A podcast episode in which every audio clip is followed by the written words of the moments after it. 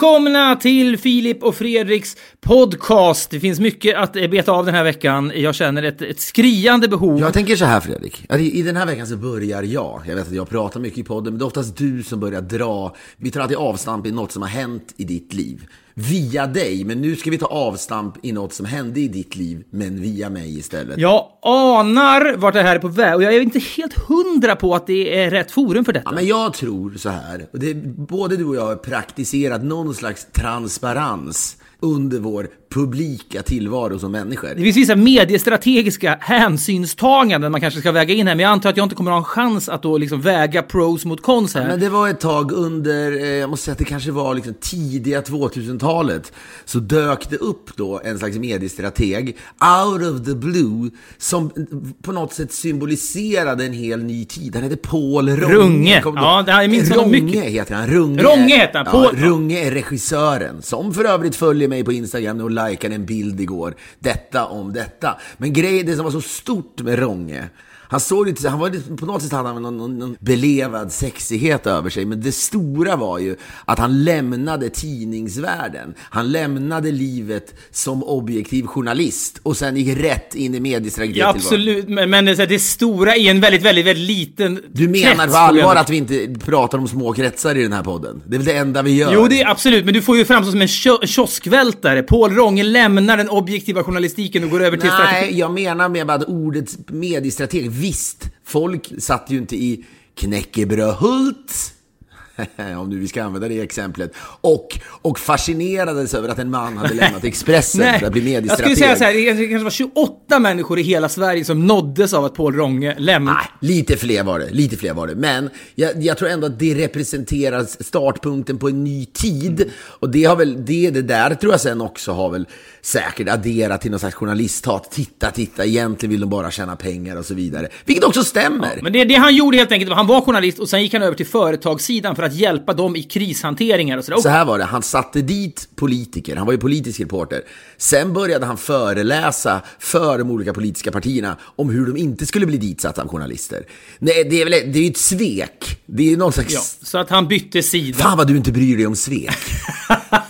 Nej, inte så mycket kanske. Nej, det är sant. Ja, men folk som byter sida. Åh, han var på den objektiva sidan. Nu är han där. För de flesta människor spelar det liksom ingen roll. Nej, men det, men det, menar, det var som att Sverige gick in i en ny tid. Det var väl sånt där liksom Lundell ganska snart skulle börja pratsjunga om. Ja, verkligen. Mediestrateger som sitter på Sturehof och äter räksoppa. Fy fan för dem. Under designade lampor, ja precis. Men det var det, liksom, det någonstans i sekelskiftet helt enkelt så skedde det där. Nu har vi då dundrat igång podden genom att namedroppa två 70-åriga män. Det är exakt Paul som det ska Ronge vara. hjälptes också av att han hette Ronge. Det var ett nytt namn. Så att de 28 människorna som hickade till av att han bytte sida, de hickade till för att han också hette Ro- Hade han hetat Patrik Andersson, då hade kanske tre människor hickat till. Två av dem hade varit i hans egen Han, familj. liksom, han hade lite hängande ögonlock. Han såg lite ledsen ut. Vilket säkert hade då eh, hade liksom främjat hans journalistiska gärning. För så är det. Ser man för liksom elak och ond ut när man ska intervjua någon, då, har, man- då minskar chansen att få folk att kapitulera eller säga någonting. Ronge hade ett utseende som var gångbart, framför allt som journalist.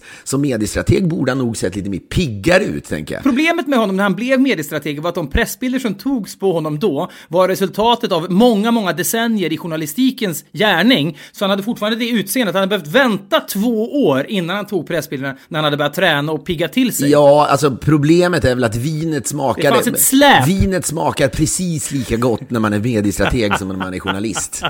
Om inte godare. Tänk om man ska byta sida. Och det finns, om man tittar på en Det flaska... finns ingen sida att byta till för dig. Du är ju... Du finns ingen sida att byta Du till. menar att Paul Ronge kunde inte byta sida? Jo, han... Men du kan inte byta sida. Du, det, vad är det för fantasi? Men fan, jag skulle jag bli nazist skulle det vara något slags sidbyte ändå, väl? Ja, inte, inte lika stort byte som för Ronge. Det är bytenas byte. Det är ändå så att jag har, liksom, jag har ändå försökt basunera ut någon slags liksom, vänstervärderingar, eventuellt, eller vad fan Ja, det nu whatever. är. Ja, Men att ta skitsamma. sig hela vägen till att liksom join the forces i Ludvika, nazisterna, det, någon slags sidbyte är det. Ja. Det, det jag undrade bara, när man, när, man är, när man är på en sida så tittar man på en flaska vin, och så vattnas det i munnen. I ditt fall en, en IPA-öl kanske. Undrar om det är möjligt att man går över till en annan sida. Låt säga att du skulle då bli, du skulle bli VD för Intersport plötsligt. Det är något slags sidbyte. Nej, det är, nej, det är inte ett sidbyte. Jag fattar. Men skit i- Den här uppdelningen i svart och vitt som du ser framför dig, planhalva med två plan, det finns liksom inte. Om du skulle byta till NMR-sidan, då skulle vet vad folk, 80% av svenskarna skulle tänka, ja, nu gapar han därifrån. Det är liksom bara såhär, Jo, jo. Ja, men det, det är rimligt. Jag gillar att du har den inställningen. Men, och, och du vet att jag också är en stor omfamnare av den så kallade gråzonen. Att det liksom... Inget är rätt, inget är riktigt fel, det finns inga sidor. Men... Nej men om det finns två planhalvor på en fotbollsplan så är livet, om man ska använda fotboll som metafor för livet, då finns det inga planhalvor. Då är liksom planhalvorna går liksom in i varandra. Precis som en film, ska, gamla tiders filmer gjorde flashbacks, nu spolar vi tillbaka i tiden. Då blev liksom bilden helt så suddig och du vet den börjar bli vågig. Så ser fotbollsplanen ut i verkliga livet. Jag vill bara, det jag skulle stryka under är att, låt oss säga att det finns någon, att man mentalt tycker att man går över till den andra sidan. För så tror jag det är. Det är klart att Paul Ronge vaknade upp svettig i sina egyptiska lakan innan han visste att den här liksom pressreleasen skulle gå ut där det sa Paul Ronge byter sida. Jo, men problemet återigen, de egyptiska lakanen hade han inte råd med innan pressreleasen gick ut. Om Men man inte hade bevisligen, belånat sig då. Han hade gått till bevisligen. banken och sagt jag ska byta sida, så jag vill kunna belåna mig själv nu, för ni vet hur mycket pengar jag kommer att tjäna om ett halvår. Så du menar att de här egyptiska lakanen var mer eller mindre helt nya? Ja, han hade dem inte ens. Han fick ju råd efter dem, när han fick sin första lön. Jag sa ju att han vaknade upp i de e- e- egyptiska lakanen kvällen innan pressreleasen gick Ja, ut. men då hade han inte fått sin första lön efter på den nya sidan.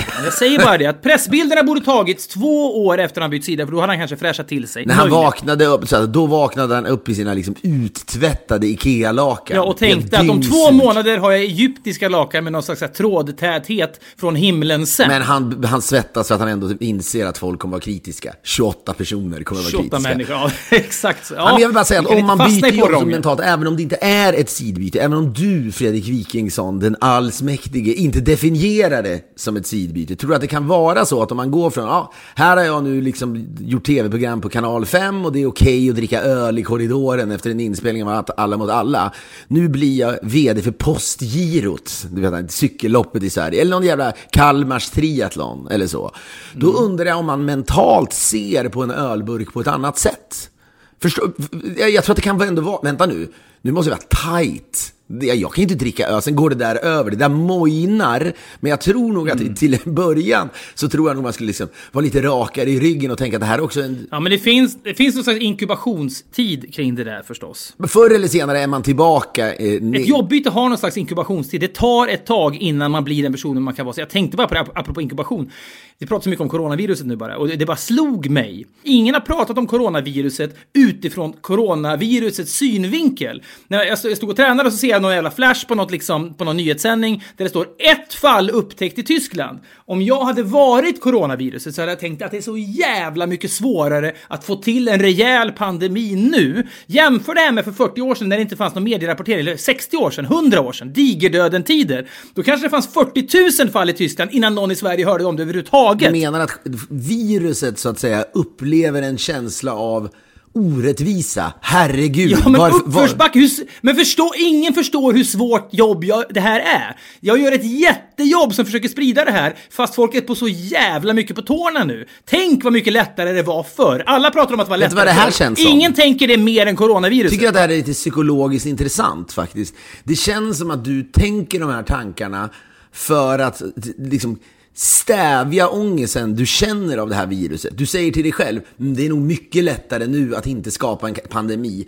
Eh, och det, det kan jag hålla med om, så är det säkert. Men det finns någonting för dig att det är betryggande i just detta. Det är därför du tänker på det här. Kanske, kanske hittar jag någon slags så psykologisk tröst i detta, i denna tankelek. När jag landade på eh, flygplatsen här i Los Angeles för några dagar sedan, då ändå det var starkt, det kändes dystopiskt, om det nu är ordet. Men det är väl mörk, det är väl liksom att vi, vi går mot någon slags fullständig kollaps och, och vet, jordens upplösning.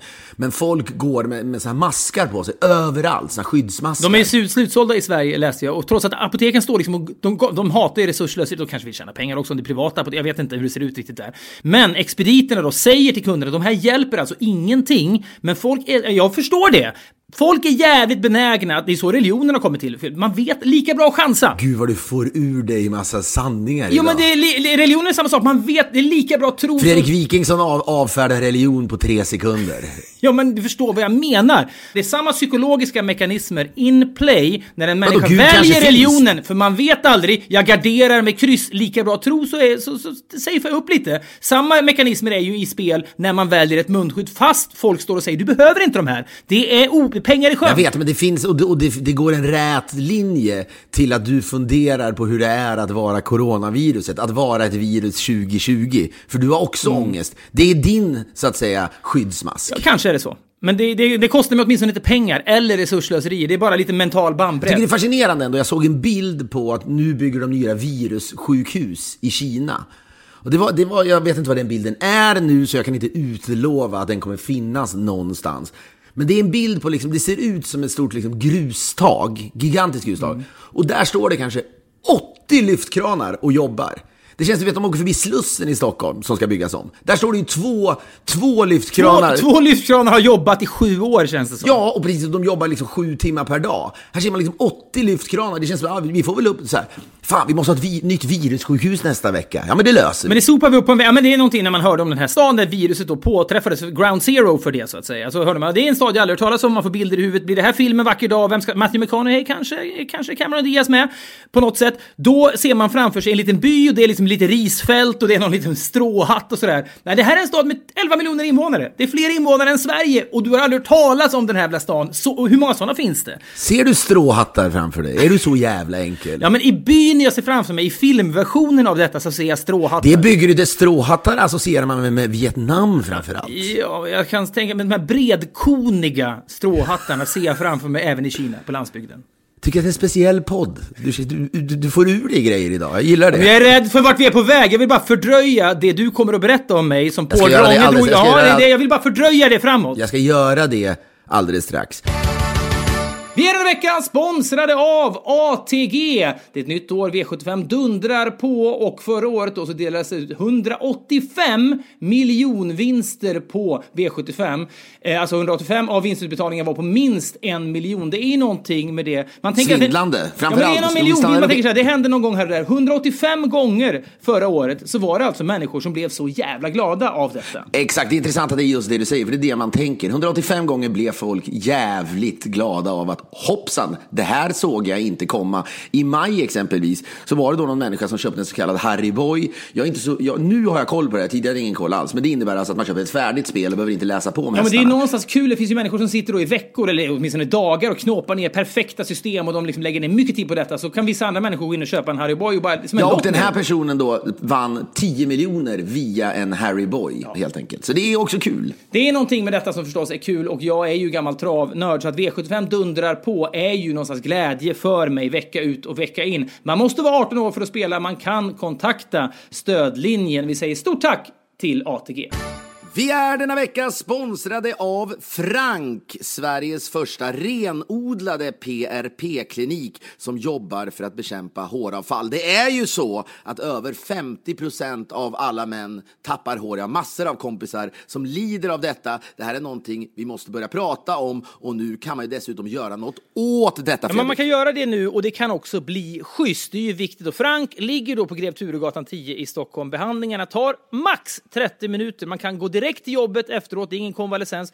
Man kan boka konsultation eller behandling genom att mejla till hello at frankhair.com hello at frankhair.com eller genom bokadirekt.se där du då söker på Frank Hair. Och detta är viktigt, då, om du i mail eller på kliniken säger att du har hittat till Frank genom vår podcast, då bjuder de på konsultationen till ett värde av 450 spänn. Det gör ju då att man inte har någonting att förlora på detta. Det här gäller då hela februari ut. Jag tycker att det här, jag förstår att många människor lider av detta. Detta kan vara ett sätt att komma framåt och göra livet lite bättre. Vi säger stort tack till Frank. Jag skulle bara säga att det, det finns ändå en, en, en, en framåtanda och en känsla av att allt är möjligt i Kina som, är, som jag tror vi kan lära oss en del av ändå. Det, för i Sverige är det inte okej, okay. alltså, det finns mycket som är dåligt med Kina också. I, inte bara djurmarknaderna där hur viruset uppstår är tydligen att djuren ligger liksom i burar och bajsar på varandra. Det ligger en liksom ödla i en bur och under ödlan så ligger en hummer. Kanske inte en hummer då, för hummer behöver vara i vatten. Det ligger en liten apa. Och då bajsar Ja, ödlan på apan och så kommer det fram. Det, Och där händer det grejer. och det finns även, så att säga, demokratiska problem i, i, eh, i Kina också. Absolut. Men Mm. känslan av att allt är möjligt, den har man liksom aldrig upplevt som svensk. Nu bor jag visserligen i USA, den är lite starkare. Ja, men håll med om det ändå. Det är inte den här... Mm. Ja. Ja, men så här, vi hade diskussion... Men det är väl, det är väl lite pyramiderna-läge och det är väl, ja, men så här, kinesiska muren har ju, den pågick ju Ja, men gå inte direkt in i slavgrejen. Nej, men jag menar, det är kanske angränsande, jag vet inte. Har du riktigt jävla mycket folk och du inte behöver betala dem så jävla mycket, då är, ju, då är man kapabel till rätt mycket också. Jo, men gör mindre. Du kan ju ändå går att jämföra på så sätt att det behöver inte vara. Det kan ju vara mindre saker som ska byggas i Sverige. Det spelar ingen roll. Egentligen inte. Det går att göra den här jämförelsen. Men jag förstår vad du menar. När man har, när man har bevittnat Slussen på daglig basis, som har sett ut som ett, liksom ett bombnedslag i sju år och det händer ingenting. Men det är liksom löst det bara. Jag, när jag läste det, att ja, det ska ta 12 år eller vad fan det skulle ta. Jag minns att när du skulle flytta till Odenplan i Stockholm där du bor, så var det väl snack om att de skulle bygga någon liksom ny tunnelbanenedgång och något annat. Då kom jag och läste det, eller du som berättade för mig att ah, det ska ta sju år också. Hade det suttit en kines liksom på tåget på liksom Arlanda Express och överhört den här diskussionen, två, två, han, det hade varit skrattattack. Ja. Det hade varit skrattattack Ja, men vi har lite generösa horisonter i Sverige när det gäller projekt. Det är liksom så här, vet du, ni har två månader på er att göra Slussen. Gör det nu! Ja, men någon skulle ju greja det. Kanske. Ja, men det, men det, det är någonting så här, gör det bara. Jag hörde en historia om han Tim Cook, som är då vd för Apple. Så det är, det världens mest otacksamma, jag tar över vd-skapet roll någonsin? Han är ju någon slags stor rebound hela han efter Steve Ja, men han har, ju, han, har han har ändå klamrat sig fast i många år, får man lov att säga. Hans historia är också att, jag vet inte om han är det länge, men tidigare var han ju samtidigt ordförande för då eh, Nike i deras styrelse. Det är sånt som skulle vara förbjudet i Sverige. Nej, nej, nej, nej, Tim Cook. Nej, det kan du ju inte göra. Du jobbar ju med det. Du kan inte jobba med det där också. Tänk på, du kan inte bli, du kan bli utbränd. Han är då på jobbet 4.30 stod det i någon intervju jag läste. Men att han sitter på ett möte, att han var känd för det här och så har det, sitter det någon ny människa där, någon, någon slags praktikantfigur eller kanske anställd på en låg nivå. Och så är det något strul i en fabrik i Kina på något sätt. De finns ju där i alla fall. Och då är det någon som säger, men då måste vi väl åka dit? Ja, säger Tim Cook. Så stirrar han på den här unga killen, eller om det är unga tjejen som sitter där. Ja, vi måste åka dit, säger han en gång till. Varför sitter du fortfarande ner, säger han till den här killen. Åk Ja, nu! och han skulle åka och, och killen frågar till mig, ska jag bli tjejen då, ska, ska, ska jag packa någonting? Åk, säger han Jag älskar det. Men det där får man ju aldrig vara med om. Människor som bara säger åk nu. Du, du hinner liksom inte, du hinner inte ens till, till skrivbord och hämta grejer. Du ska bara du ska vara i taxi om 30 sekunder. Jag är så jävla svag för historier som utspelar sig i mötesrum, om det är bra historier. Jag har precis läst ut den här boken om Jeff Bezos då som, som grundare en Amazon. Netflix-serie, åtta olika möten som utspelar sig? Ja. En slags eh, kammarspel. Möten som förändrade världen, det är inte så jävla dumt. Det kan Tänkte, för vi har, vi har, exakt, jag tänkte vi hade någon idé om toppmöten, men då ska folk vara utomhus och det ska vara dyra middagar. Jag skulle vilja liksom ha, och de- de är lika långa som mötena var. Kan du tänka dig liksom så här, någon slags, nu är det för tråkigt att tänka en förhandling mellan LO och, och du vet, någon, Palme. någon slags jävla... Men jag tänkte så här, ja, den här tar 19 timmar, det är ett kammarspel. Ja, men det, ja, men det är någonting med de där och, och sättet då folk positionerar sig mot varandra. Jag, jag skulle säga, Fan, det är en ganska dragit- bra idé det där. Ja, men det, vi ska bookmarka den, för den har faktiskt någonting. Men det är no, måste, vi måste ju hundra gånger i den här podden återkommit till anekdoter från mötesrum, för det är någonting, det är liksom ett, ett miniatyr, det är som ett hov lite grann. Det är olika maktpositioner, folk positionerar sig. Jag firar ju nyår för övrigt ihop med Tim Cook, det sa jag va? Kan du ha nämnt, ja. Jag Ja, kan ha det är lite, förträngt lite också. stort ändå. Äh, Sa jag fira nyår ihop? Han var i samma Ja, men det rum. tror jag faktiskt att du nämnde, ja. I- jag kanske var till och med i sex podden. sekunder. Nej, jag tror inte det. Skitsamma. Du pallar Ja. inte gå fram till honom? Men det gör man inte. Det vet du att man inte gör. Ja, jag vet. Det, det, det, är viss, det är en viss typ av människor som går fram. Bingo Rimér hade gått fram. Jo, vår kompis Micke hade gått fram. Om han hade druckit jättemycket, då hade han pratat norska. Det är nackdelen. Inför, inför Tim Cook. Glömma bort att Tim Cook inte kan svenska. Prata norska och stå på händer. Micke är ju då lovely, men alltid när han blir full så pratar han norska och står gärna på händer. Så när du såg Adam Duritz, sångaren i Counting Crows på en karaokebar, med John Hamm va? Från, Nej, från nu blandar du ihop historierna. Eh, det, det, Adam Duritz, det var en annan gång. Det var eh, i New York på klubben Beatrice Inn. Och jag avgudar ju du också Adam Duritz. Som då hade precis gått ut med att han slutade dricka. Och Micke stod i baren, det var ett ganska litet ställe, och, liksom, och verkligen försökte övertyga dem att börja dricka igen. Till slut tog Ja, okej. de ju någon jävla shot där. Men jag var på en karaokebar i LA och då var Jason Segel och, J- eh, och eh, John Hamm. De var där, Mm. det susade bland, bland besökarna givetvis. John Hamm, Mm. så jävla stor då. Eh, nu känns det som, med Mad Men det känns som han har svalnat något så in åt helvete, John Hamm. faktiskt. kanske. Mm. Ja. Siegel också svalnat kanske. Eh, men eh, då så står de och sjunger eh, någon jävla låt. Micke går fram dit. Ställer sig på huvudet på något sätt. Han ställer, eller, och han ställer liksom shotten bredvid sig. Och så tvingar han John Hamm och eh, Jason Siegel, eftersom Micke inte är så bra på att stå på huvudet, att hålla i hans ben samtidigt Medan som de, de sjunger. sjunger. Ja.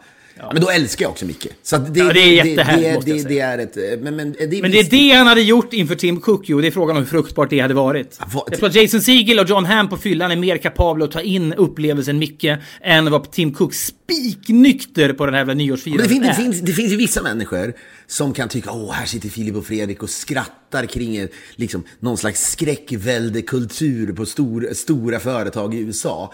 Jag vet, det är förmodligen så att Tim Cook inte är supernice. Så kan det vara. Men jag vet inte, om jag var 18 år och jag hade suttit i ett möte med Tim Cook och han spärrade ögonen i mig och sa, åk nu.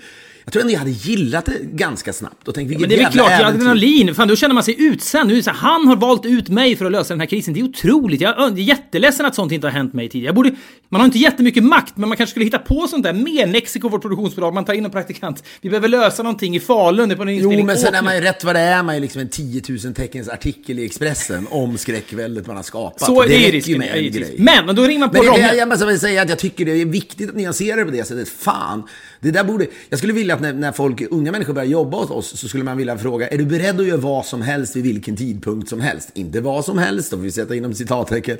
Men att man folk skulle säga, ja, ni kan skicka iväg mig när som helst. Jag minns när prinsessan Diana dog ändå. Vi hade, det fanns en liten... Det, det fanns någonting av det här när man jobbade på Aftonbladet som både du och jag gjorde. För jag minns att jag låg och sov i min säng på Kåkbrinken i Stockholm, i Gamla stan. 97. Legendarisk lägenhet, eller legendarisk, men vi hade mycket roliga kvällar där, du och jag i alla fall. Men då ringer det klockan tre på morgonen och så säger eh, Sigge Ennart, ny, eh, nöjeschefen, eller om det var nyhetschefen den tiden kanske, kan du åka till Paris nu?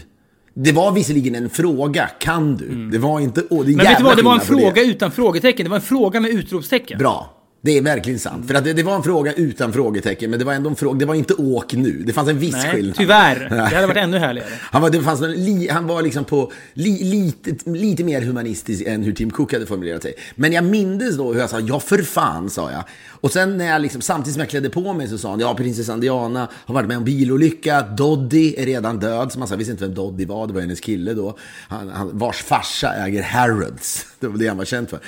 Nej, men så minns jag, och du vet, på fem minuter var jag ute ur lägenheten, åkte mot Arlanda och sen kom jag dit och sen precis när jag gick igenom security så sa han, åh, nu är Dia- Diana också död och så vidare. Men den där, ja, fan vad levande jag kände Ja, mig då. jag förstår det. Jag kände mig jävla levande när det hände. Och det, det är så här, som ung borde man fan få uppleva det. Det är nyttigt för en också. Känslan av uppgifter som först känns en övermäktig, men man sen grejar. Jag var väl inte någon speciellt bra kvällstidningsjournalist, men jag minns att hela den veckan, de skickade ingen ny reporter, utan jag var Aftonbladet. Du rattade inom- Diana-bevakningen. Ja, men det var ändå otroligt. Jag var 21 år gammal kanske. Det var ändå ganska bra gjort. Verkligen. Jag ska bara säga ett annat mötesrum då sitter Jeff Bezos i. Det är ute på Newark Airport Du måste säga vem han är. Du måste säga vilket Ja, men han är grundaren av Amazon då, jag nämnde det tidigare. Och han ska då samarbeta med Toys R Us som behöver hjälp med sin, sin nätförsäljning på 90-talet. Amazon är nya, de behöver liksom få nya kunder. Så då ska då Toys R Us och uppstickaren Amazon ska ha ett möte. Det är ett konferensrum fixat på Newark Airport för Jeff Bezos. Han bara landar där. Det kommer någon chef från New York, tar en jävla town car ut till flygplatsen. Där möts de i ett konferensrum. Det är bara de två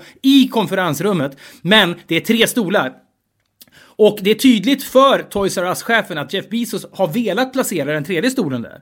Så mötet börjar, de förhandlar fram och tillbaka, det är tuffa förhandlingar. Jeff Bezos ställer krav som verkar orimliga för Amazon är ju ingenting i det här läget. Och Toys R Us är världens största liksom, leksaksfabrikör, typ. Och då så säger till slut då så här, väntar vi på någon här nu eller? Jag förstår inte varför du släpar in den här tredje stolen. Vet du vem som sitter? Det sitter redan någon i den tredje stolen, säger Jeff Bezos. Vilket svin. Vilket Ja. svin. Ja, och då frågar Toys R Us-chefen, eh, gör det? Jag ser ingen i den där stolen. Jo, vet du vem som sitter i stolen? Det är kunden som sitter i stolen. förstod att han skulle säga det. Ja, och att den är, och att den där- är tom då. Den kan inte vara tom, det sitter någon där, men vad menar han med det där egentligen? Nej men han menar ju då förstås att vi måste hela tiden ha kund, vi måste tänka på kunden. Bara genom att stolen står där så tänker vi på kund, kund, kund hela tiden. Men Toys R Us-chefen kände sig så jävla Vad är det här för jävla skit? Så han var ju sugen på att Det lämna kan jag rummet. också gilla, den attityden kan jag också Ja, men han var ju sugen på att lämna. Hej då, vi skiter i det här. Så han sätter sig i sin town car och åker in till New York igen. Och, men det blev ju inte så, utan de satt kvar och så blev det ett samarbete som pågick i några år. Men den där inställningen, det är kunden som sitter där. Man både älskar den och man hatar den.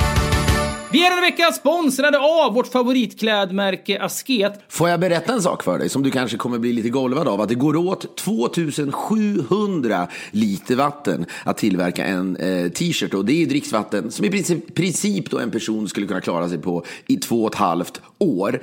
Eh, ett, ett par jeans då, ja det är naturligtvis ännu mer som du förstår. Det är 15 000 liter och det är då 15 års vattenförsörjning. Den här typen av... Vi är denna vecka sponsrade av Finnair och vi pratade i förra förra veckan om klass och service, något man verkligen uppskattar när man flyger och det får man ju då hos Finnair. Låt oss Fredrik lyfta fram Finnairs app som underlättar resandet redan från bokningen. Den fyller ju då i all info automatiskt när man bokar. Perfekt då när man reser mycket och det första du ser i appen det är check-in. Kanske det viktigaste då innan resan. Sen har du dina digitala boardingkort i mobilen och behöver du addera en väska, välja säte eller kanske ändra något i bokningen så gör du det i appen och slipper kontakta kundservice. Man man kan bara föreställa sig vilken tid man sitter i de här telefonköerna. Det här är enkelt, smidigt och tidseffektivt. De är otroligt duktiga på att hela tiden förbättra upplevelsen under resan. Vi säger därför stort tack till Finnair! Vi är denna vecka sponsrade av Blocket och låt oss, kan verka lite dystopiskt men tycker ändå det funkar, prata om dödsbädden. Vi kommer ju alla ligga där en dag och reflektera över våra liv och vi kommer då ångra många saker. Eh, bland annat att vi inte köpte den där drömbilen som fanns i våra tankar under så många år. Ja, men kanske den där opraktiska sportbilen då som var en dröm från barnsben. Sen blir man vuxen med barn och så får man inte köpa en sån där bil. Men man skulle fan bara ha gjort det så att man inte ångrar det när man ligger där då. För på Blocket finns då bilar för alla med Sveriges största utbud av bilar till salu från privatpersoner som såväl bilhandlare. Gå in på blocket.se slash bilar och köp drömbilen på Blocket. Vänta inte så kan man då bocka av den på dödsbädden i alla fall. Det tackar vi Blocket för. Eh, vi är denna vecka sponsrade av DPJ Workspace. Eh, det är ju din partner då för kontorsmöbler och inredning sedan 1995. Köper du en stol eller ett bord eller vad det nu kan vara i år, 2024 alltså, så har du garanti till och med 2034. Vilket innebär, Fredrik, hur många års garanti då? Det är 10 års garanti, det är ett decennium. Kan man säga något annat än att de vet att det är hög kvalitet på sina grejer? De har otroligt mycket snygga och bra produkter. Allt ifrån snygga designstolar till belysning och loungemöbler. Alltså ett komplett utbud. Helt enkelt med riktigt schyssta grejer. De ska hålla länge, det ska vara snyggt och det ska funka bra för alla typer av behov som finns. Och har man funnits sedan 1995 som DPJ har gjort så kan man sannoliken sin grej. Gå in på dpj.se och läs mer. Vi säger stort tack till DPJ Workspace. Vi har ett betalt samarbete med Syn nikotinpåsar och det här meddelandet riktar sig till dig som är över 25 år och redan använder nikotinprodukter. Syn innehåller nikotin som ett mycket beroendeframkallande ämne. Syn kommer i olika smaker, styrkor och format och nu lanserar Syn en helt ny smak inom mint. Syn Slim Cool Frost som har en tydlig smak av kylande pepparmint och mentol. En långsmal helvit prilla och enligt 90% av 366 vuxna konsumenter har den en långvarig smak. Läs mer på nikoniko.com och klicka in på syn. Glöm inte att slänga din tomma dosa i plaståtervinningen. Vi säger stort tack till syn. Fakta då kan ibland vara lite, lite, lite svåra att ta in, men det vi kan konstatera är ju att det också är helt sinnessjukt att sådana här data Satan borde leda till att man ser över hur man konsumerar kläder. Jag tänker på det när jag stirrar ner i mina byrålådor. Jag, det ligger så mycket gamla så här, impulsköpta t-shirts som verkade kul en gång i Ger du tiden. inte bort dem? Går det göra Ja, självklart gör jag det, dem? men jag, jag borde inte köpt dem till att börja med. De har ingenting att göra där. Man köper så jävla mycket grejer på uppstuds. Så är det. Om man går in på asket.com, och där, både du och jag har ju köpt kläder därifrån, och jag bär en tröja nu, en Lammeströja som jag då älskar. Eh, under har jag en t-shirt. Det här är kläder som håller länge, det är bra för en själv, det är bra för planeten. Jag tycker att det är så jävla bra. Punkt slut. Gå in på asket.com, A-S-K-E-T.com. Läs mer om hur det går till när kläderna tillverkas, var materialen kommer ifrån och kolla på deras då permanenta kollektion. Det här är kläderna de har, mer än så behöver man inte. Vi säger stort tack till Asket. Nu har vi hamnat långt bort från det avslöjande jag ville göra i början av vår podcast. Vi har snackat om Tim Cook och företag och möten och coronavirus. Och så. Det är härligt. Ja, men det är en bra mix vi bjuder på. En slags absolute music. A- Absolute topics heter, heter, vår, heter vår samlingsskiva. Skiva. Kul att ge ut den på bensinmackar. Absolut Ett toppings. topic heter Paul Ronge, mediestrategen som bytte sida. Och 28 människor riste till. Ja, inga hoppar, inga lyssnar. Jo, men så här är det. Du och jag var i Örebro och gjorde ett så kallat företagsjobb häromdagen. Trevligt, trevligt. Vi står på scen, man får se, eh, man, man får givetvis betalt, men också intressant att, att vara ute bland företag och se vad de håller på med och man uppdateras. Ja, det är ditt besök i någon slags verklighet. Sen vill vi åka därifrån jävligt fort efteråt. Vi har skickat upp de här, den här hiphop-duon på scenen. Vad heter de? Norli KKV. Ja, vi, vi påar in dem och sen fort som djävulen springer vi till ett garage, hoppar in i din Tesla och beger oss mot Stockholm. Det finns en känsla i det där att, liksom, att, att vakna och somna i samma säng. Eh, När man har gjort, jag har gjort ett bra jobb och nu eh, så har jag, hinner jag hem även om klockan är mycket. Ja, av så här, du, ibland kör du för fort, så har det varit rent historiskt. Jag säger till dig, nu tar vi det lugnt hem, vi har ingenting att stressa till. Barn sover där hemma, flickvänner och fruar sover där hemma. Vi kan i lugn och ro cruisa oss eh, upp på E18. Du överdriver ändå lite grann den lugnande inverkan du påstår att du har haft på mig. Får jag ändå säga det? Det är, det är lite av en Oh, efterhandskonstruktion. men jag har inte sagt gasen i botten, plattan i mattan. Nej, Alltså, det, det, du har absolut inte hetsat mig. Men jag vaktar, liksom, jag vaktar liksom min tunga lite grann här nu, för det känns som att det, här, det jag säger nu, apropå mediestrategi och pågångar, det kommer att kunna användas emot mig. Jag känner mig som en... Men så här är det, det som sker då, det är att vi åker mot Stockholm i alla fall. Allt går bra, vi passerar min gamla hemstad Köping, Västerås. Vi närmar oss tror jag, eller om vi har passerat Enköping. Vi lyssnar på, ja, kan vi ha lyssnat på Ulf Lundell? Det kan mycket väl ha varit så. Lyssnade vi på en kvinnlig svart soulsångerska? Nej, det gjorde vi inte. Ja. Utan vi satt där och njöt av män som pratsjunger om livet. och mediestrateger. Men så, men så, här, vill vi ha det för musikgenre ni gillar? Ah, oftast är det sådana som liksom pissar på mediestrateger. Män som pratsjunger om, med, om, om hur missnöjda de är med sakernas tillstånd, det vill säga mediestrateger som äter luncher på Sturehof under designade lampor. Det lyssnar vi på. Sen plötsligt så ser man det liksom. Det blir en ljusförändring inne i kabyssen. Blått, tjo, tjo, tjo, tjo, tjo. Låter det som, fast man inte hör ett ljud. Men det känns som något sånt. Och på en sekund så säger du då, helvete. Ja, ja, helvete säger du. Du inser snabbt att det, det är inte speciellt svårt att förstå vad det här handlar om. Det är inte en polisbil som, som ska önska oss glad vår. Glad fortsättning. Glad vår. Jag ville bara, jag ville bara stoppa få er av motorvägen här. Jag ville bara önska er en riktigt god fortsättning. Det är en sån kväll. Då är man en riktig optimist. Om man blir avtagen från motorvägen av en polis med blåljus och man tänker tänk om polisen bara vill önska en god fortsättning. Då är man sinnebilden av en aningslös optimist. Ja, vi rullar in, du stoppar precis vid en bensinmack och så sitter vi. Jag är ju road redan då. Ja, det är du verkligen. Men jag säger till dig och du säger också, nu ryker nog körkortet. Och det, du vill ju inte tro det. Du, du, där är du ju fortfarande en optimist. Ja, är jag det? Ja, men jag är, jag är så jävlig, jag är liksom slagen. Du vet, men jag, känner, jag känner mig liksom ertappad och liksom... Ja, det är, det är, sen hinner man tänka, både du och jag, innan de har parkerat bakom oss. Det tar ju några sekunder innan dörrarna öppnas. De, Ja, men det man ska veta, det här är i närheten av Bålsta. Det här är ju två på natten, en torsdag så att säga. Det, att, att stoppa en bil som kör fort på motorvägen, du har ju ingen aning om, som polis, om du sätter dig i polisens liksom, synvinkel, vad som helst kan ju sitta Gud, inne i den där nu ska du bilen. vara vän. Nu ska, nu ska du inte köra liksom. Nej, nej, nej, jag säger bara så här, jag förstår att de sitter och samlar sig innan de går ut. Det är inte säkert de gör gör som det. helst. Det är inte alls säkert att Men gör det. vad som helst kan sitta i den där bilen. Jag vet inte, ärligt talat. Ja, men inte, vänta dig inte två TV-killar från ett företagskrig. Det kan lika gärna vara påtända Bålstabor. Ja, men inte kanske i en Tesla för liksom en och en halv miljon. Det är inte säkert. Det, det, Vi hade en hyrbil. Vi hade, en hy- vi hade inte ens min Just Tesla. det, det hade vi inte. Vi hade en Det var en hyrbil. Volvo C60 eller någonting. Eller? Ja, där kan det sitta vad som helst. Ja, du vill, du vill nu liksom, du vill dunka snutorganisationen, alla Sveriges snutar i ryggen. Nej, jag säger bara, jag säger bara att det är inte konstigt att de sitter och samlar sig i någon sekund. Ja, tror inte att de samlar sig, de gör ju det här varje dag. Vad fan satt de och gaggade om där bak? i? Var det bara för att liksom, att jag skulle sitta Men och... de skriver först ner, tror jag, regnumret och så vidare. Ja, ja, whatever. Sen kommer de då gående. Och så här är det. Både du och jag tänker där. Vi pratar, vi försöker vara transparenta kring vår narcissism och så vidare. För båda två hinner ändå tänka de kanske ändå låter det här passera eftersom de tycker att Alla mot alla är ett trevligt tv-program. Så är det. Så är det! Och de, de eh, går fram mot dig, drar ner rutan och tittar in.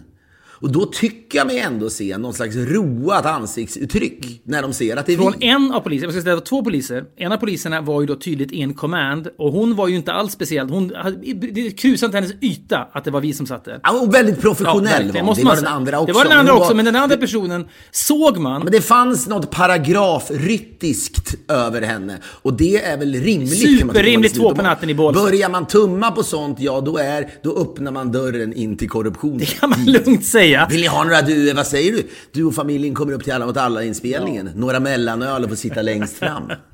ja tack. Men det fanns en lätthet i blicken hos hennes kollega som gav mig hopp. Ja men han var, han, jag vet så här, han kanske, det, jag tror det kan handla om personlighet som polis också. Att man, vissa människor känner, eller liksom slutar känna någonting för människan när de sätter dit. Vilket kanske är rimligt, för att man tänker sig, ja, människor lär sig aldrig en läxa.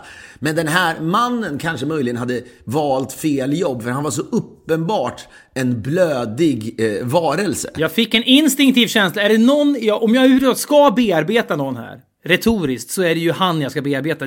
Sen, blev det inte så. Ja, men han var också, jag skulle tippa på att han stod nog under henne i rang. Det var, hon var ju totalt in command. Så var det. Tyvärr. Och eh, så den vanliga frasen man alltid hör, det där gick lite fort. och du, det lustiga med det är att då säger han, ja, jag vill se körkort och vi, eh, vi ska blåsa. Och du blir ändå, trots att det ska gudarna veta, varken du eller jag dricker ju någonsin när vi kör. Inte ens här i USA gör jag det längre där man kan dricka lite Nej, mer. vi hade ju... Nej, nej, nej. Nej, nej, men det är ändå Jag hade liksom inte druckit på flera dygn, men ändå när man får den där jävla pipan mellan läpparna så känns det... "Ja, Tänk om det blir något fel nu! Att åka dit för fortkörning och rattfylla. Den här eviga, åt jag en körsbärslikör ur alla din ask? Nej, fy fan alltså. Ja. Du blåser och det verkar ganska snabbt så, så slår hon då fast att nej, här har det inte druckits någonting. Och sen är det nu till de andra grejerna. När den anklagelsen så att säga utraderades, när det var uppenbart att han är ju nykter, bra. Då kände jag det här är det lilla fönster av hopp jag har. Att okej, om du är nykter, ja, så fort, du vet, det här skulle kunna passera. Ja men du och jag har ju aldrig varit killar, för det är oftast killar, som säger farbror blå och sånt där. Ja, men jag kommer ihåg när jag lyssnade på Patrik Sjöbergs sommarprat. Han sitter då, som han beskriver, med någon brud i bilen på väg mot Ullevi där Pink Floyd ska spela på 80-talet en gång. Det här är när Patrik Sjöberg pikar i berömmelse. Och då blir han då stoppad för fortkörning. Och då tycker han att det är kul att käfta med polisen så länge att de missar då Pink Floyd-konserten och den här tjejen i passagerarsätet blir vansinnig på honom. Men han njuter av att käfta med polisen. Han tycker att det Det är, är lite som en, det är som en, en så här frågekategori alla mot alla. Har den jäveln käftat med polisen? Ja, men då, men han, han, Bild på ja. dig, då skulle man säga nej. Men skulle Patrik Sjöberg med skulle man säga ja. Självklart har han käftat. Och, vi, och nog har han njutit av att käfta med polisen för att då verbalt kunnat kasta i kull polisens argument. Men själv är man ju inte den personen. Man lägger sig ju tvärplatt. Så du la dig platt, ska sägas. Men den här mannen då bakom, han, man ser hans hundögon. Han tycker synd om dig. Han tycker liksom nästan synd om mig, att du ska börja vara med om det här. Känner han. Och jag tror att det sista jag säger när de går tillbaka med ditt körkort och säger Fan, vi kommer nog krångla oss ur det här. Med någon slags bild av en korrupt svensk polis, eh, polismyndighet då. Men så blir det ju inte. Utan de skriver då en, en, ett, ett böter till dig, 3600 kronor, noterade jag. Men, och det är en stor summa, men det värsta av allt är givetvis att du blir av med körkortet. Och då säger hon, ja du får ringa till transport. Transportstyrelsen imorgon så får vi se hur länge de plockar det för dig. Hon går iväg igen. Sen säger, kom, står den andra killen kvar, han med hundögonen. Och jag vet inte vem jag respekterar mest. Jag respekterar nog henne mest. I grunden får jag nog göra det. Jag skulle säga till honom, man ska, du, du är så blödig så du inte borde bli polis. Du kanske borde börja liksom jobba på Postkodlotteriet och åka runt i Sverige och knacka på folks dörrar. Leverera säga- goda nyheter. Go, goda nyheter. Men han säger något, ja, det är inte... Om man ringer till Transportstyrelsen, de kommer nog, de kommer nog beakta faktumet att det var en, en, en, en, öde väg och, och du Men det var ju noll trafik, det vill jag ändå säga. Det var noll trafik. Jag körde precis på gränsen för att de skulle ta... Fan, det här... Jag har liksom lite ofla... Jag, jag lägger mig platt! var, det, var, det, var det precis på gränsen? Det är väl lika bra att du är ärlig kring detta om folk En kilometer för snabbt var det. En kilometer för snabbt var det. Jag hade... Oh, men ja. de ger också som de säger 10% rabatt. Gör Ja, de det är något så, ja, absolut, men det var så här, jag, jag lägger mig platt, men det var åtminstone noll trafik, bra väglag och mitt i natten. Sen är det värdelöst och framförallt känner jag mig som en Vet du vad jag känner mig som? Jag känner mig som att jag liksom sällar mig till en klubb fylld av så här, Pernilla Wahlgren, Charlotte Perrelli och 85% av alla Sveriges travkuskar. Det är sådana som blir av. varför, det- men vad, vadå, vad menar du Det med är sådana som blir av med körkortet, det är sådana man läser om. Antingen är Charlotte Perrelli blir av med körkortet, det känns, de kanske aldrig har blivit det, det känns som att det är de som blir av med körkortet. Och nu är jag en del av den klubben. 85% av svenska travkuskar har blivit av med sina körkort. Inget snack, så är det. Och nu är jag en del av det och jag känner mig som en pajas. Ja, men jag, jag, men det, det som jag tycker är, jag vet inte varför det känns viktigt att, att stryka under detta, men det är så här, att, att köra fort är uselt, för det kan ju, de facto är det så. Livet kan ta slut väldigt, väldigt fort. Det är sånt man har tänkt på den här veckan givetvis ned när då amerikanska basketspelaren Kobe Bryant, som jag idoliserade så mycket, dog. Gone in a flash heter väl en låt av eh, Ron va? Otrolig låt. Den slutar vi med då. Ska vi avsluta ja, med den? Ja, men han- då sjunger han, jag tror att han då sjunger om sin, sin kompis Jeff Buckley som dog i, i Mississippi River någonstans utanför Memphis, tror jag. Eh, och och det, det var ingen som såg det hända, Gone in a Flash, samma sak med, med Kobe Bryant och så vidare. Och när man kör för fort så kan detta också ske. Skulle kunna spela Gone in a Flash på din begravning, så att säga, om du hade krockat. Ja, sluta. Ja. mm. Men vad fan, lite jävla, det måste man väl kunna säga. Vad fan är frågan om? Du, du lika... Ja, men jag är, allt det här, jag vet, du vet det som händer nu, att vi kan lika gärna snacka om det här nu. Det var därför jag pratade om på gånger, för det, nu vet jag ju att det kommer, det kommer, jag förstår att folk gillar att skriva om kändisar och bli av med körkortet. Och det kommer det göras nu. Då kommer ju det Men jag, jag har gjort, du har gjort det jättebra med hjälp av mig. Ja men jag menar, ja, eller hur? Men ju mer man säger, när, man, när tidningar ringer om sånt där, då ska man inte svara för då blir det mindre artikel. Nu har, jag, har de fått 17 citat av mig här. Ja, men jag kommer, jag kommer givetvis, de kommer ringa mig också och säga Ja, jag är ledsen att behöva säga det, men det var en vansinnesfärd jag var med på. Du kan inte ens säga det här! Då kan du bli Vansinnes- citerad! Nej! Så här, kan Expressen nu, jag säger så här, citera mig nu Expressen eller Aftonbladet. Det var en Nej, vansinnesfärd. nej, nu säger du så här, bara så att det blir sagt. Citera mig på det. Nej, nu säger du så här. Det var bara ett skämt. Det kan ni inte citera mig på, för jag menar Nej, inte jag, kan, det. jag kommer inte säga det. Jo, det måste du säga. Det var ingen vansinnesfärd. Nej! Du kan inte säga... Det var en vansinnesfärd. Jag har aldrig upplevt något liknande. Det enda positiva som kan komma ur det här, säger Fi- Filip Hammar, uppenbart omtumlad, är att Fredrik har lärt sig en läxa. Ja, absolut. Det, som skämt, ja. Men säg nu bara så det... men för jag kommer inte säga det. Jo, för protokollet! Så vi kan se vilken självaktning kvällstidningsjournalister har. Säg att du skojar. Nej men då behöver inte jag säga att det är ett skämt. Folk vet varför jag säger det här. Om de använder mitt citat ändå, då natur- skjuter de ju sig själva i Så foten. de kan inte, det kan inte stå i artikeln då, det var en vansinnesfärd. För det, du menar att... Det vet jag inte. Det kan ju i teorin stå så, men det vore ju förkastligt om de gör det. Givetvis. Filip Hammar berättar att han satt och skrek av rädsla i passagerarsätet. Jag satt och tänkte på hur snabbt ett liv kan släckas. Men uppenbarligen brydde min, min vän brydde sig inte uppenbarligen om detta överhuvudtaget. Han fortsatte att lyssna på, på när Ulf Lundell pratsjöng. Och tryckte gasen Nej, i botten. Det är, jag, jag, jag känner mig som en idiot nu och det är också ett citat, men det är så här... Jag tycker det är värt att stryka under att jag tycker fan inte man ska köra för fort och man ska absolut inte köra full. Nej, och det, jag menar, nu har vi skrattat åt det. Jag vill också, nu får jag för protokollet, för jag vill också säga så här. Du har ännu inte bedömt... Vad är det? Nu har du sagt protokollet tio Ja, ja, okej, men då vill jag ändå bara så här understryka att de har ju inte avgjort hur länge jag ska bli av med körkortet än, de, den här myndigheten. Så jag vill verkligen, om någon skulle lyssna på detta därifrån så vill jag inte trivialisera det här. Jag förstår att det är jättedåligt. Och jag skäms jättemycket för detta. Jag kör jättegärna bil. Jag har nästan gått in i en smärre depression av tanken på att inte kunna köra bil. Det har du inte. Inte överhuvudtaget. Va? Du har tagit lätt på det här. Så är Nej, det har jag inte alls gjort. Jag har faktiskt på riktigt gått i, liksom, gick ner lite i... Nej, Mina du har barn inte vet det. inte om det här än. Nu måste jag berätta för dem snarast, känner jag. Det är också, det är pappa har gjort något dumt. Ah, slut, ja, så här. Det är väl inte, jag antar att det inte är brottsligt, man hamnar inte i belastningsregistret Men de sa någonting, mm, du, har, du har bara en fortkörning sen tidigare. Eller någonting. Ja, det kan väl tala till min fördel då. Ja, det gör det väl då enligt han med hundögonen. Men hon skrev snabbt ut den här boten och så vidare. Och sen, sen var det, ja, och sen var ditt liv då förändrat i grunden eftersom du, Nej, det är att säga att det är, men det är... eftersom du till slut är med i Charlotte Perrelli-klubben. Det trodde du inte. Men Du kan förstå vad jag menar med den känslan. Nej, det kan jag inte. Men jag vet inte om jag ens... Men du, har, skämtar du? Har, har du? Kan du inte se framför dig Charlotte Perrelli bli av med körkortet? Men varför just hon? Nej, men det känns som att hon och Pernilla Wahlgren... Porter Sjöberg kan väl också bli av med körkortet? Ja, men han snackar sig ur det i tre timmar. Men jag ska bara säga att det gick oerhört fort och hon skrev ut den där och sen var det bara... Ja, ja, ja, det, det, det. det gick fort för henne att göra det. Bilfärden gick inte oerhört fort. Det gick för fort. Ja, för fort, men inte oerhört fort. Det var en vansinnesfärd. Sluta nu! Men jag vill bara säga... Ah! Jag vill bara säga att, och nu stryker jag under det igen, att jag tycker inte man ska köra för fort. För det finns an, i andra sammanhang.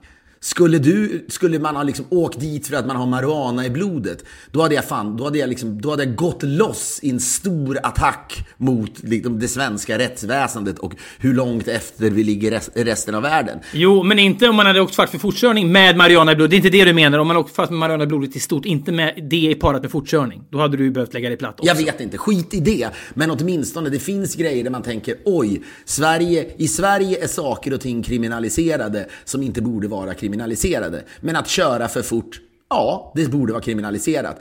Det, det är ju, ett tag var det väl så att i Finland, tror jag, när man åkte dit för fortkörning, så, så baserades då boten på ens årsinkomst. Utan att gå Ja. in på dina privata finanser. Hade man så här, tagit då, det var väl klassiker när Nokia-chefen, vad han nu hette, åkte dit och hade kört fort som fan. Och sen så var då boten, eh, summan man, man fick böta då motsvarade 1% av ens årsinkomst. Och jag tror Något det ja. Året hade han väl plockat ut någon dunderbonus. Ja, men jag tror att han fick böta över en miljon i fortkörning. Det var ju Men sen var han så jävla bra så att han tog allt med ett leende och blev då ännu mer folkhjälte. Kan jag bli det när jag betalar 3600 spänn till polisen? Inte säkert. Jag vill bara en sista gång nu rikta mig till Expressen, Aftonbladet, några andra digitala plattformar som skriver om såna här typer av, av du vet, skvaller, eh, eh, liksom historier. Det fin- finns drag av skvaller när det handlar om fortkörning. Eftersom det, det det handlar om är ju att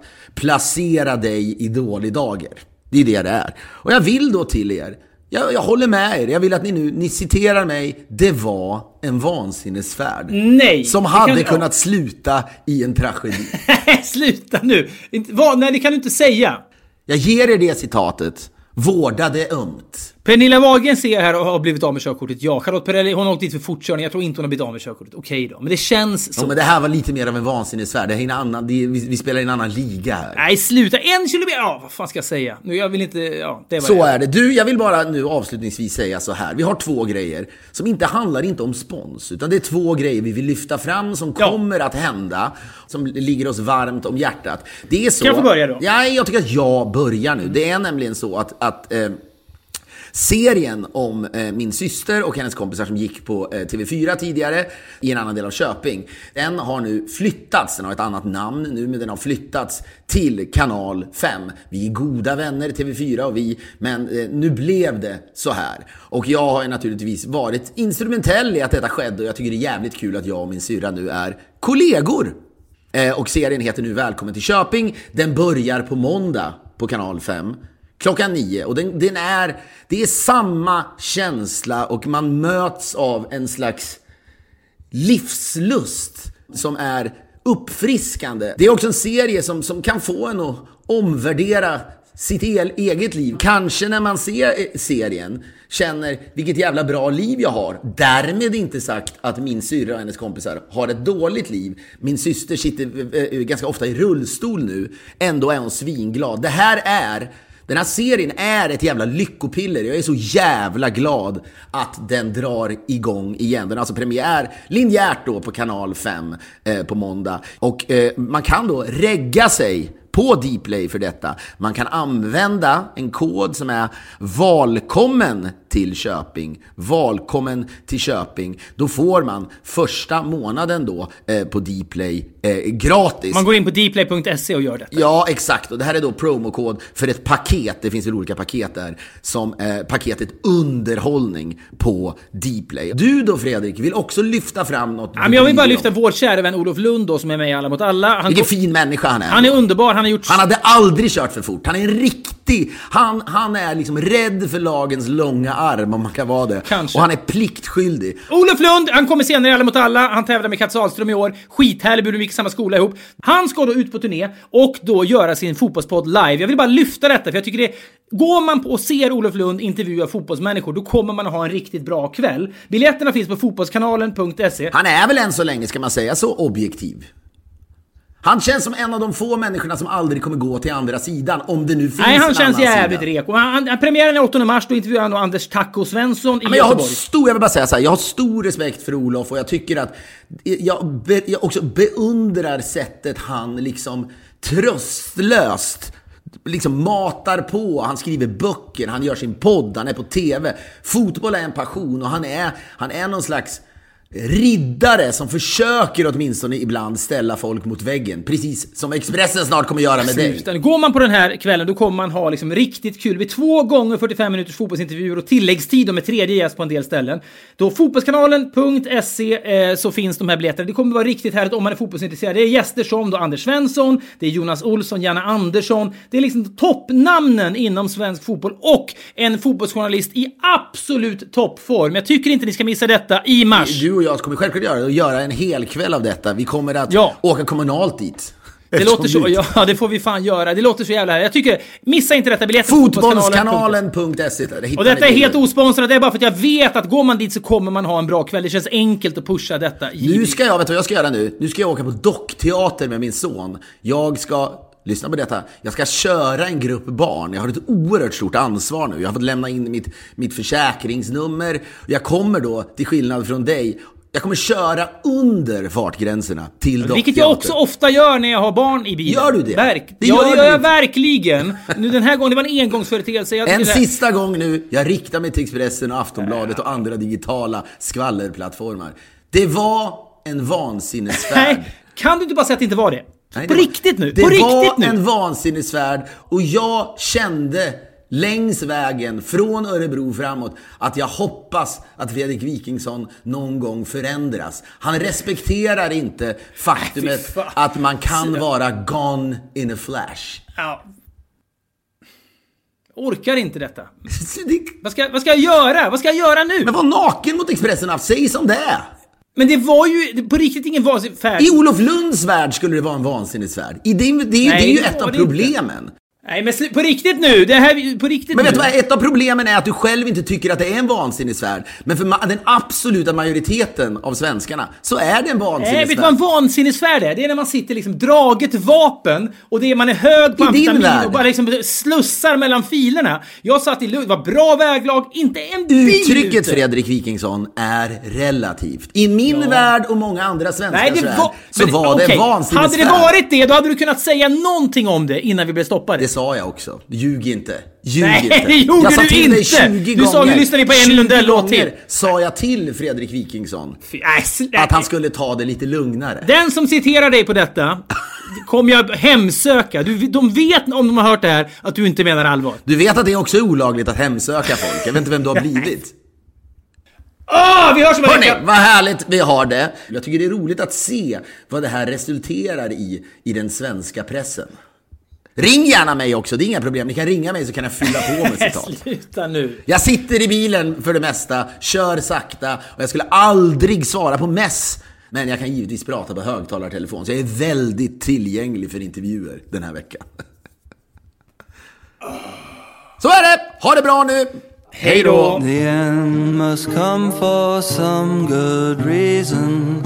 I've heard it said before to everything a time and season. What was this season for? In a flash, in a flash, there one moment and gone in a flash.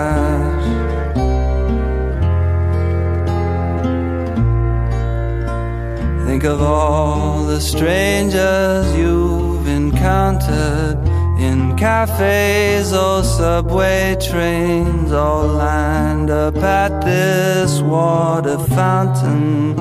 One drink and on your way in a flash, in a flash. There one moment and gone